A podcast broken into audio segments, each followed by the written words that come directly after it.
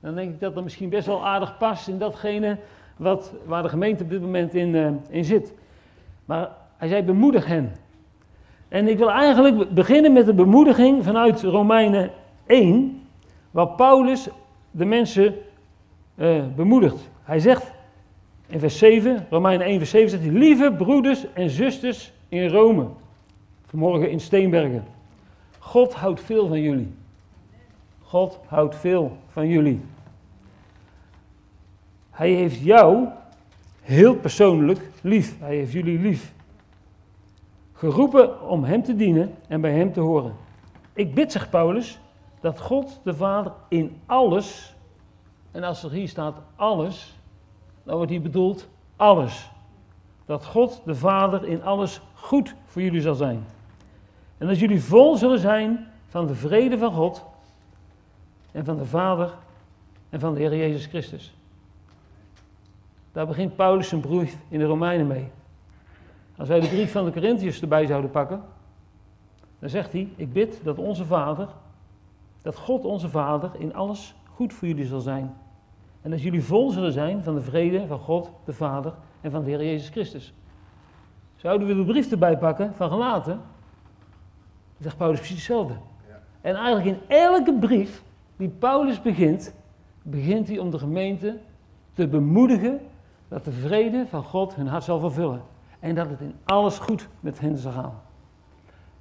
En daar wil ik jullie ook mee bemoedigen. Um, uh, wij hadden, ik geloof 13 februari, weer sinds vier jaar een overwanddienst in Middelharnis. En dat was voor ons een spannende dienst. Want we hadden, dat is een jongere dienst, die we vier jaar daarvoor heel vaak hadden gehad. En waar velen van hier ook elke keer naartoe kwamen. En wij zijn uh, ja, eigenlijk daar weer mee begonnen, 13 februari. En tot mijn verbazing trof, trof ik opnieuw mensen uit Steenbergen. En dat, weet je, dat, ik vind dat super mooi. En, en, en vorige week hadden wij een, uh, een van onze jongeren in, uh, het was van onze eerste jeugddienst, de eerste bekeerling die we ooit meegemaakt hadden. Dat is al 14 jaar geleden. Die heeft een EP opgenomen, een eigen CD gemaakt met Nederlandse muziek. En die werd vorige week bij ons uh, geïntroduceerd in de gemeente. En opnieuw zagen wij mensen uit Steenbergen. En ik weet niet wie er waren. Maar is, zat er toevallig hier iemand? Is er iemand die geweest is op een van die twee uh, evenementen? Ah, thuis kijken misschien mee. Maar weet je, het is zo mooi als je hier van Steenbergen vandaan de moeite neemt om naar Middelharnis te rijden, om de jongeren eigenlijk te bedienen, zodat ze onderwijs krijgen op hun niveau. Wij hebben gekozen dit, deze periode om de overwanddiensten in de, voor de nieuwe generatie klaar te maken. Voorheen deed ik zelf er heel veel in, daar ben ik mee gestopt.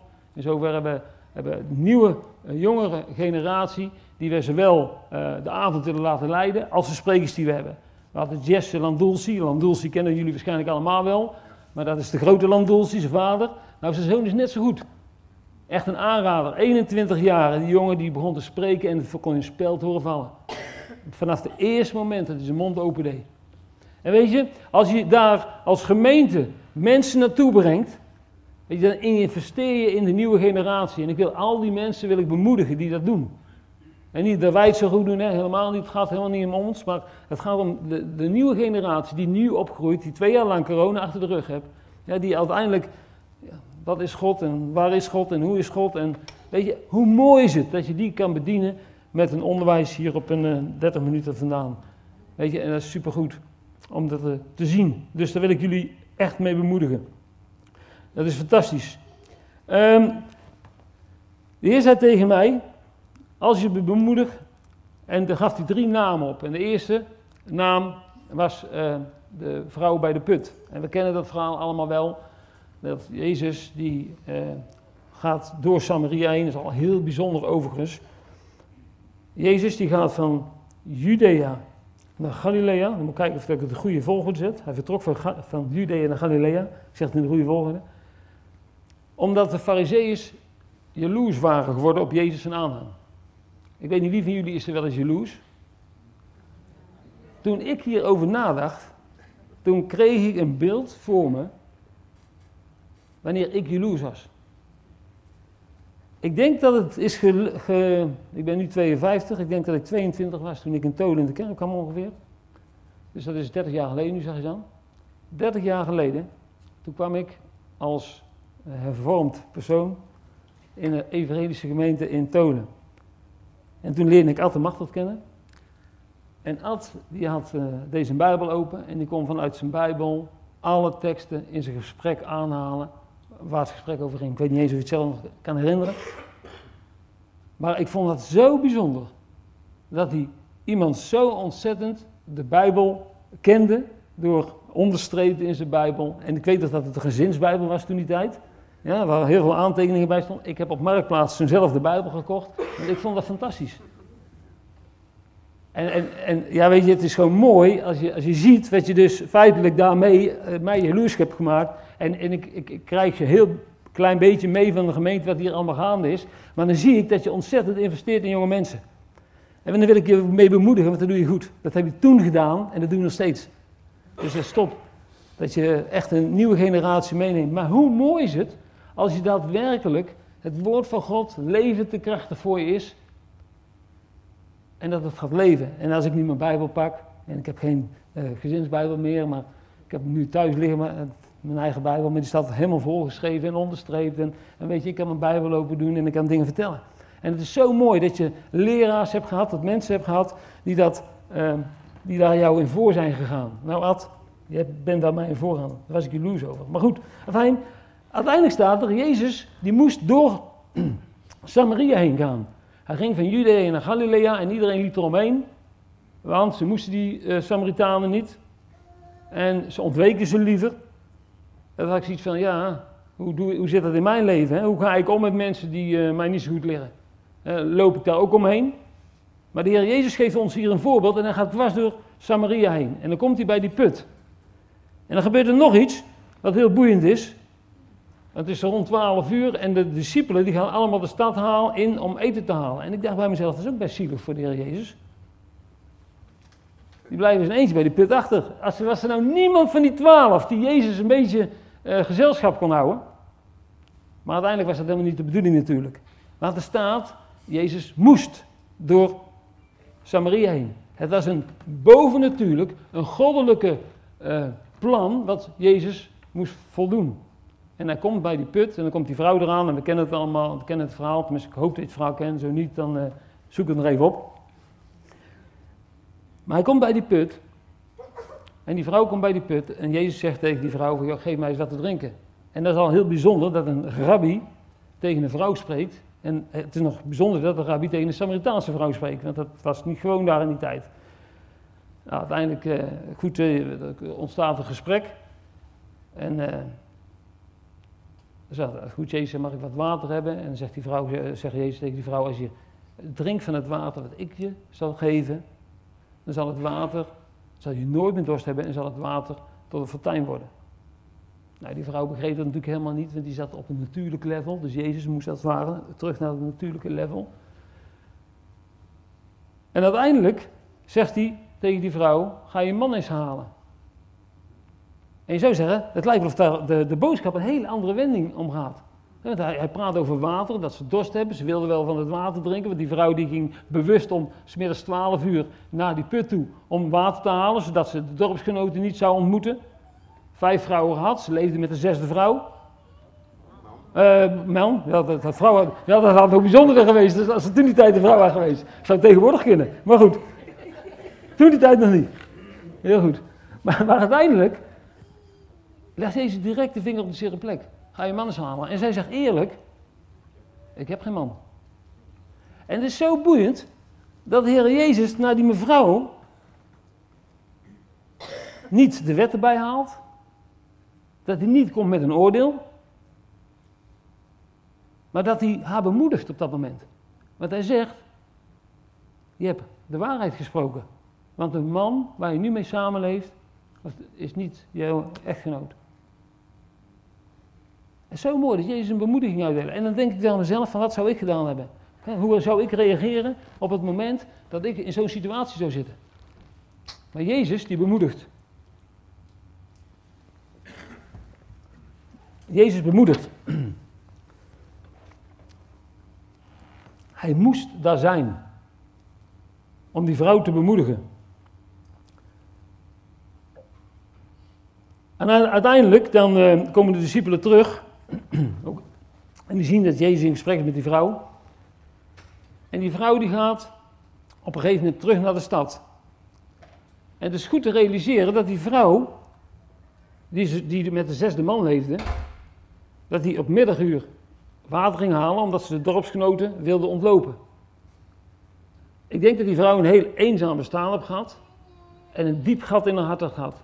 En dat ze hunkerde naar een man die haar dorst zou lessen. Dus vandaar dat dat water wat dorst zou lessen, wat Heer Jezus zei, ga je man halen, dat het helemaal geen gekke move was. Maar die vrouw die zal zich eenzaam gevoeld hebben, afgewezen gevoeld hebben. Ja, en uiteindelijk uh, ja, niet, echt niet goed geweest zijn met haar. Maar Jezus bemoedigt haar. Hij kent haar, hij kent haar situatie, weet de vinger op de zere plek te leggen, en komt niet met een oordeel, maar met een bemoediging. De tweede persoon waar ik aan moest denken, of die ik kreeg, moet ik zeggen, was Zacchaeus.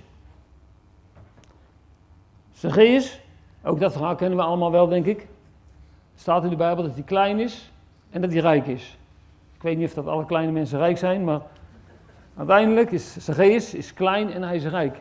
En Jezus komt Jericho binnen en op dat moment uh, uh, komt er een blinde bij Jezus en Jezus geneest die blinde.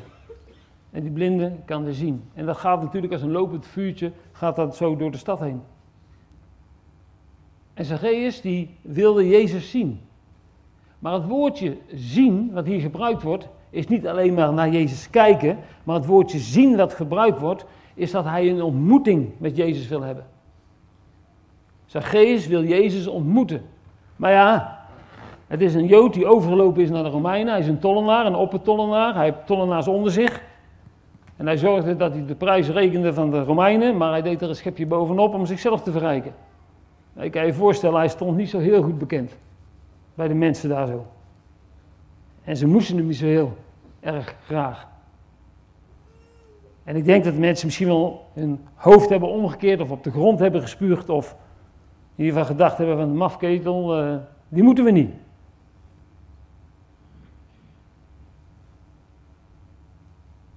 En Jezus komt Jericho binnen en Zacchaeus heeft dus het verlangen, een diep verlangen in zich om Jezus te ontmoeten. Maar hij is klein en hij kan Jezus dus niet zien. En de mensen van die tijd gingen echt niet even voor, Jezus aan, voor Zacchaeus aan de kant, zodat hij er tussendoor kon lopen. Maar ze moesten hem niet.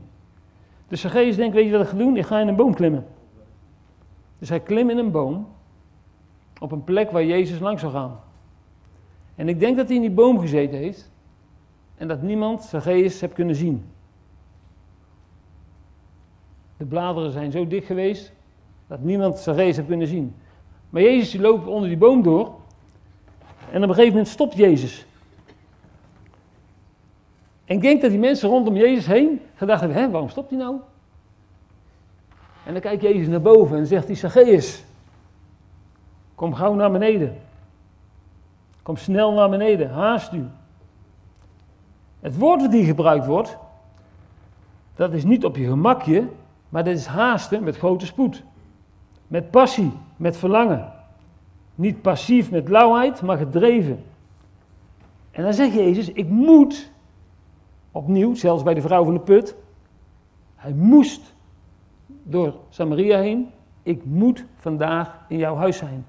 Weer een goddelijke uh, ja, ingreep als van bovenaf geregisseerd. En dan gebeurt er iets. Jezus zegt, ik moet vandaag in jouw huis zijn. En hij zegt, Zacchaeus, kom snel naar beneden. En als wij naar Zacchaeus kijken, dan zien we een klein rijk bandetje, waar we allemaal een, eh, een hekel aan hebben, omdat hij onze portemonnee leegtrekt.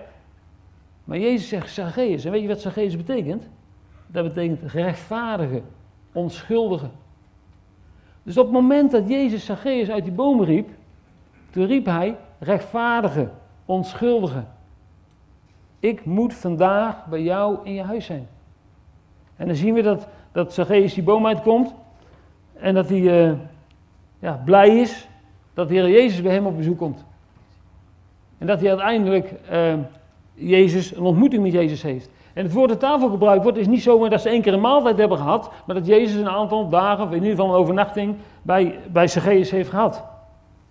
En dan gebeurt er iets heel bijzonders. Want gaat Zacchaeus gaan staan, en dan geeft hij de helft van zijn bezit weg, en iedereen die te veel afgetrokken heeft, die geeft hij het viervoudige terug.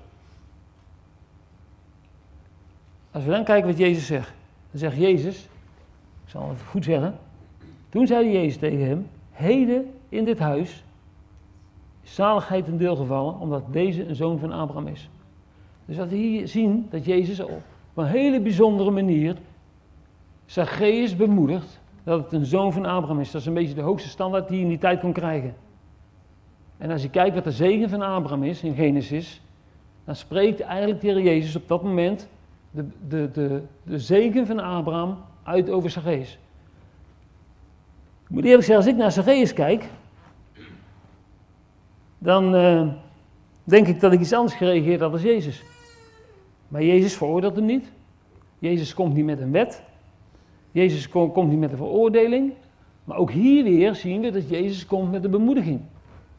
Jezus komt met een bemoediging om Zacchaeus te bemoedigen. Niet om hem de les te lezen, maar die bemoediging zorgt ervoor dat Zacchaeus als het ware een ommekeer maakt in zijn leven.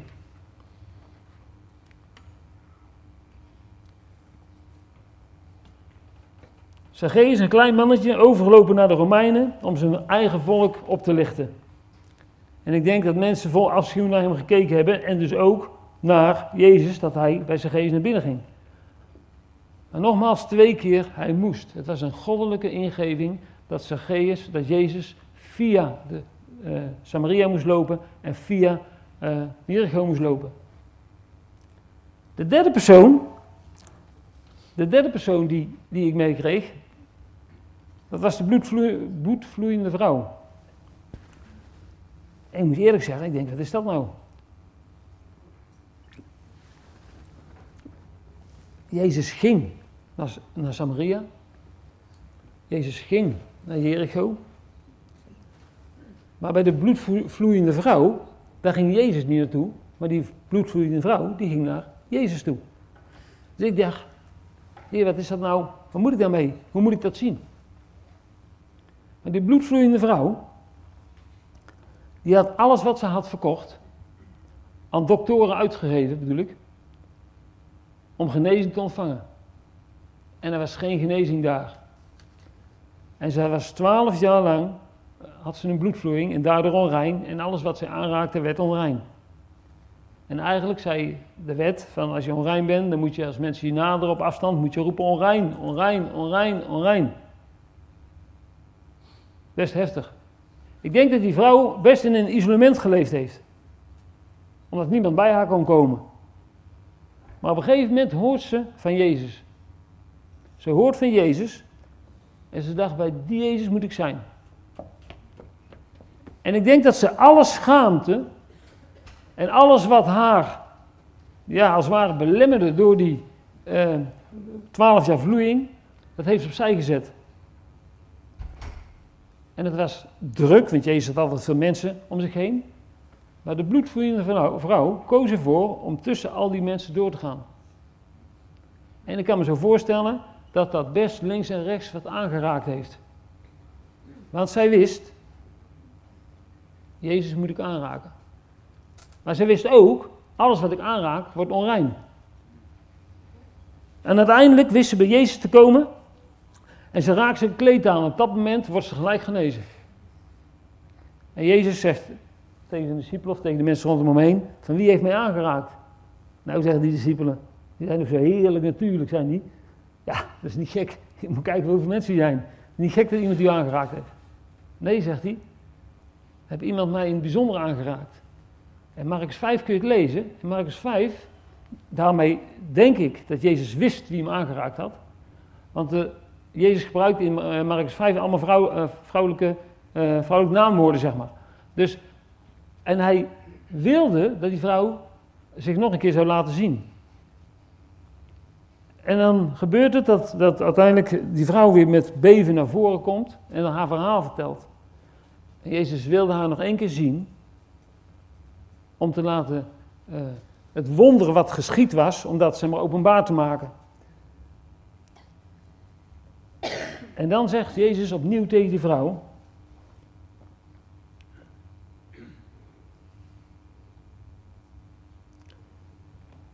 opnieuw geen veroordeling.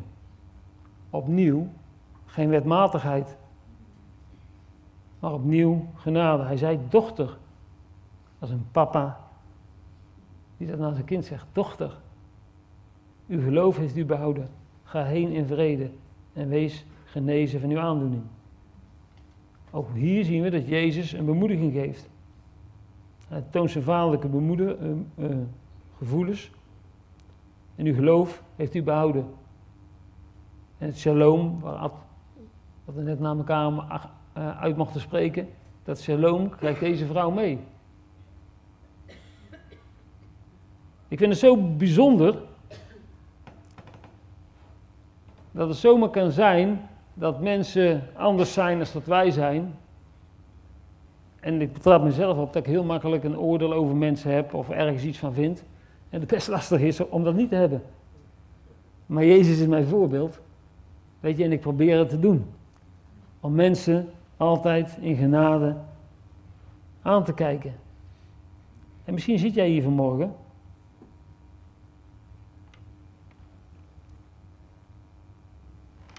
En misschien voel jij je wel zoals die vrouw bij de put. Dat je zegt van ja, ik voel me eenzaam. Mensen kijken op een bijzondere manier naar mij. Ik hou mijn eigen liever schuil als Zacchaeus. Ik kruip weg in een boom. Misschien heb je dingen gedaan in je leven waarvoor je eigen schaamt. Of doe je nog steeds dingen waarvoor je eigen schaamt. Misschien het diep van binnen een geheim. Misschien zit je hier met een masker op, want daar zijn we als evangelische christenen ook heel goed in. Dat we een goede masker op hebben staan als we dan de dienst binnenkomen. Dat niemand kan zien wat er precies achter ons uh, hoofd speelt. Misschien leef je in je veroordeling van mensen of veroordeel jij jezelf. Misschien heb je genezing nodig.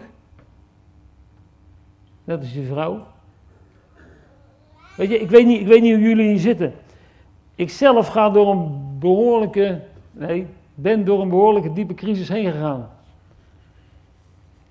Ik heb uh, een opvoeding gehad wat gemaakt heeft dat ik een ongelofelijke prestatiedrang heb. En de lat voor mezelf dus ontzettend hoog heb liggen.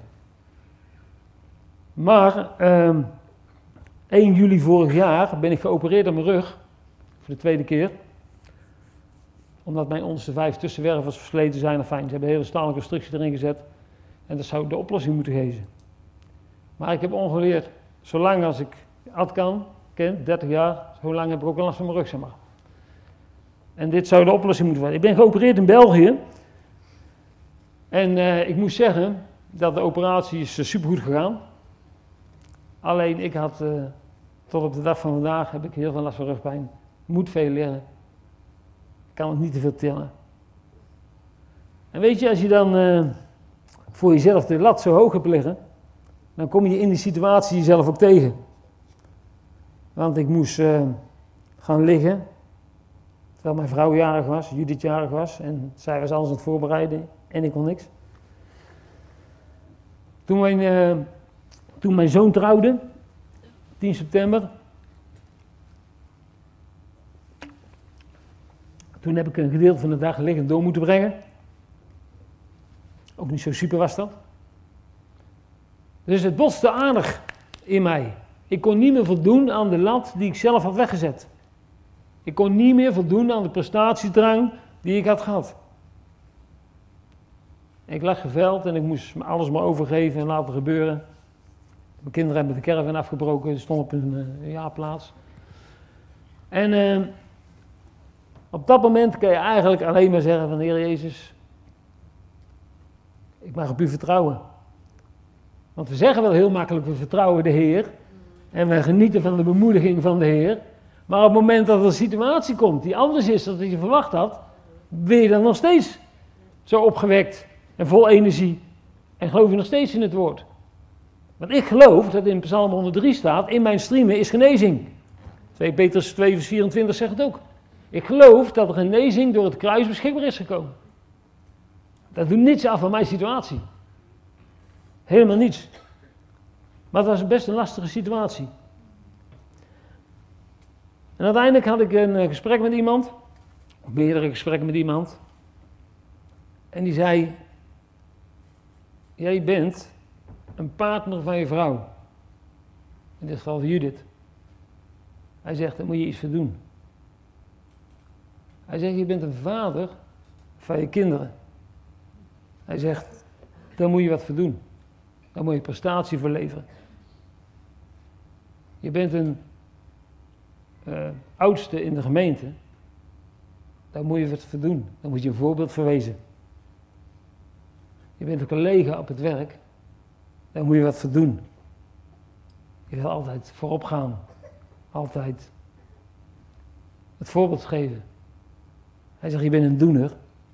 En je bent continu aan het presteren, aan het presteren, aan het presteren, aan het presteren. En de meeste tijd in ons leven besteden wij, en ik verwacht zomaar jullie misschien ook wel, aan die vier ja, uh, dingen in je leven. Maar hij vertelde mij, en natuurlijk was dat niet nieuw, maar ik had het wel even nodig. Hij vertelde mij, hij zegt er is één ding.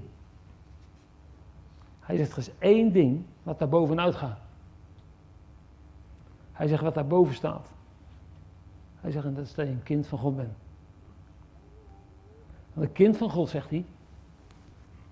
Hij zegt, er hoef je niks voor te doen. Dat ben je. En natuurlijk wist ik dat. Het was helemaal niet nieuw. Maar ik vond wel lekker dat hij het even zei. Want het heeft wel gemaakt dat ik ook weer helder naar de situatie kan kijken. En dan kan zeggen, weet je, wat er ook gebeurt, ik ben een kind van de Heer. En dat was Jane ook. Gelukkig. Natuurlijk is het een groot verdriet. Als je een kind van de Heer bent, als je dat echt realiseert, als je echt beseft wat dat inhoudt, gaat het alles anders worden. Die vrouw bij de put, die ontmoette Jezus. Deze, ze liet er emmer staan. En ze ging terug naar de mensen die ze eigenlijk verafschuwden. Want voor die mensen ging zij minstens op 12 uur water halen. Maar ze ging terug naar die mensen. Want ze had een ontmoeting met Jezus. En dan die ontmoeting met Jezus maakte haar leven totaal anders. Zodat de hele stad trok ze mee naar Jezus toe. Zacchaeus ontmoette Jezus. En er gebeurde wat in zijn leven. Er was een diepe bekering. En alles werd anders de bloedvloeiende vrouw, die ging naar Jezus. Die had een ontmoeting met Jezus. En alles werd anders. Voor mij geldt dat ik in een situatie zit die niet makkelijk is. Dat ik moet kijken naar koning Jezus. Want dan wordt alles anders.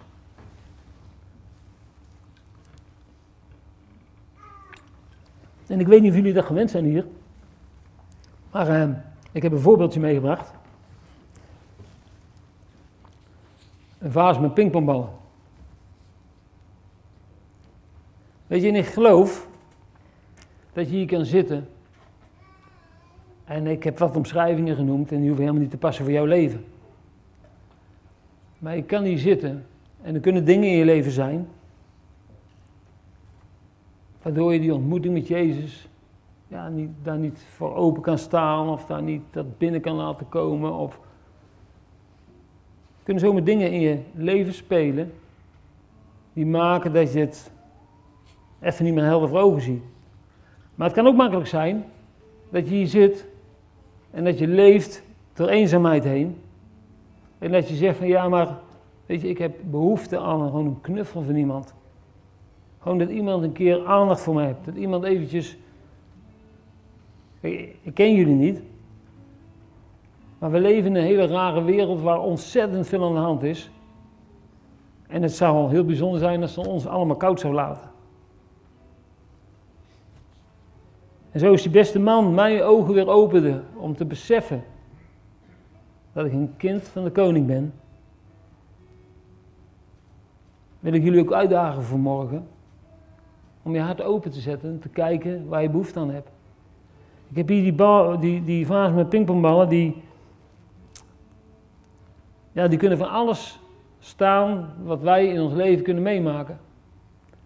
En Jezus zei, als je drinkt van mijn water, zullen stromen van levend water uit je binnenste vloeien. En bij de vrouw konden we dat precies zien. Trouwens, bij Zacchaeus zag je het ook. Direct een bekering, direct hè, zie je dat er een ommekeer in die levens komt. Ik heb dat water waar Jezus over sprak, heb ik meegenomen. En mijn gieter. En als ik dat water toevoegt aan de problematiek, aan de dingen die spelen in mijn leven, dan zie je dat er wat gaat gebeuren.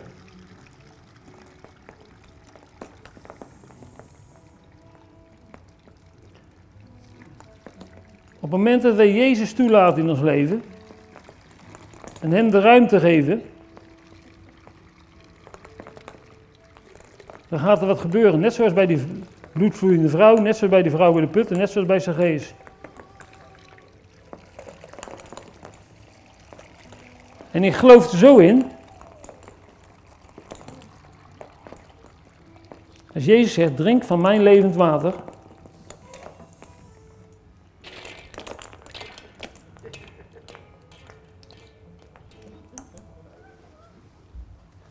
Drink van mijn levend water. Dan gaan de dingen veranderen. En ik bid voor vrijmoedigheid. Als jij hier zit. Als jij misschien wel last hebt van even die pingpongballen. En wil ik je uitdagen om even niet naar je buren te kijken. Niet naar de mensen die voor je zitten. Maar als jij hier zit, als jij die ontmoeting van Jezus nodig hebt, wil ik je uitdagen om naar voren te komen. Weet helemaal niet jullie dat hier gewend zijn, maar. Mag dat? Ja. Als jij hier zit, nogmaals, en jij zegt: Ik heb een ontmoeting met Jezus nodig, ik heb die knuffel nodig, ik heb genezing nodig, ik heb. En, kom naar voren.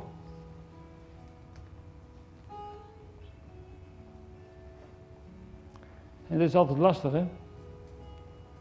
Ja, niet voor jullie, maar degene die op het podium staat, hè? Want ik dus een oproep en ik moet maar hopen dat er iemand komt.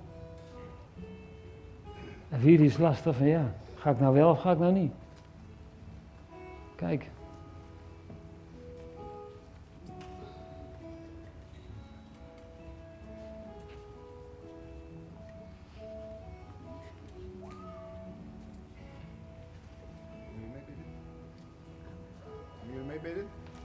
Zijn er nog meer mensen die zeggen van jij, er staan er nou hier een paar vooraan, nou durf ik ook wel. Had je gedacht om te bidden? Had je ook gedacht om te bidden? Jazeker, Dus.